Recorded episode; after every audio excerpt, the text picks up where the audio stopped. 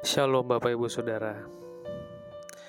Kalau kita membaca Alkitab dengan baik, maka kita melihat bahwa kitab Tawarikh sebenarnya berbeda dengan Samuel dan raja-raja. Meskipun ada beberapa kejadian yang diceritakan ulang, tetapi sebenarnya satu dua Tawarikh memberikan penekanan pada kerajaan Israel Selatan atau Yehuda setelah kerajaan Israel terpecah. Dan kita juga melihat satu dua tawarikh memberikan penekanan pada pembangunan bait suci. Mari simak ayat-ayat berikut ini. Satu Tawari 28 ayat 9 Dan engkau anakku Salomo kenalah Allahnya ayahmu dan beribadalah kepadanya dengan tulus ikhlas dan dengan rela hati. Sebab Tuhan menyelidiki segala hati dan mengerti segala niat dan cita-cita. Jika engkau mencari dia, maka ia berkenan ditemui olehmu. Tapi jika engkau meninggalkan dia, maka ia akan membuang engkau untuk selamanya.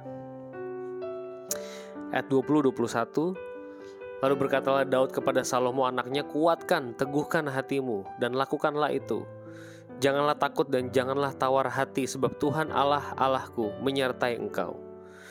Ia tidak akan membiarkan dan meninggalkan engkau sampai segala pekerjaan untuk rumah ibadah di rumah Allah selesai. Sesungguhnya rombongan para imam dan para orang Lewi ada untuk melakukan segala ibadah di rumah Allah. Dan ada beberapa sukarelawan yang ahli dalam setiap tugas yang dapat membantu engkau. Juga para pemimpin dan seluruh rakyat ini sepenuhnya ada di bawah perintahmu. Tawarih tidak menceritakan Adunia anak Daud yang ingin merebut tahta sebelum Salomo atau tentang proteksi Batsheba terhadap Salomo anaknya agar tetap mendapat warisan tahta kerajaan. Yang difokuskan di sini adalah transfer kekuasaan dari Daud ke Salomo yang mempengaruhi pembangunan bait suci. Fokusnya bait suci. Daud memberitahu Salomo di ayat yang ke-12 Selanjutnya rencana dari segala yang dipikirkannya mengenai pelataran rumah Tuhan dan bilik-bilik di sekelilingnya mengenai perbendaharaan-perbendaharaan rumah Allah dan perbendaharaan-perbendaharaan barang-barang kudus. Saudara versi NIV ayat 12 ini bunyinya rencana-rencana yang telah ditaruh roh dalam pikiran Daud. Saudara bandingkan dengan ayat 19 Semuanya itu terdapat dalam tulisan yang diilhamkan kepadaku oleh Tuhan yang berisi petunjuk tentang segala pelaksanaan rencana itu. Dari saat teduh hari ini saya mendapatkan kesan kuat bahwa rencana pembangunan bait suci bukan rencana original Daud. Pembangunan bait suci juga bukan ide Salomo.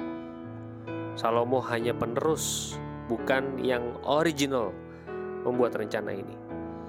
Rencana pembangunan bait suci sebenarnya ialah rencana Tuhan. Saya perlu menambahkan Ibrani 8 ayat 5. Pelayanan mereka adalah gambaran dan bayangan dari apa yang ada di sorga, sama seperti yang diberitahukan kepada Musa ketika ia hendak mendirikan kemah. Ingatlah demikian firmannya bahwa engkau akan membuat semuanya itu menurut contoh yang telah ditunjukkan kepadamu di atas gunung itu. Wow, saudara bait suci itu ialah Tuhan Yesus Kristus sendiri. Rencana keselamatan dunia bukan rencana manusia, melainkan rencana Allah. Seorang anak Tuhan yang sejati tidak memiliki visi hidup pribadi, tetapi visi hidup ilahi. Apa yang ingin dikerjakannya sebenarnya adalah kehendak Tuhan, bukan kehendak diri secara pribadi.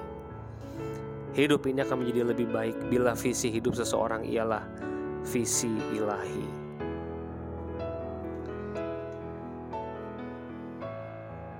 Kami rindu Engkau mengilhami kami akan kehendakmu ya Tuhan.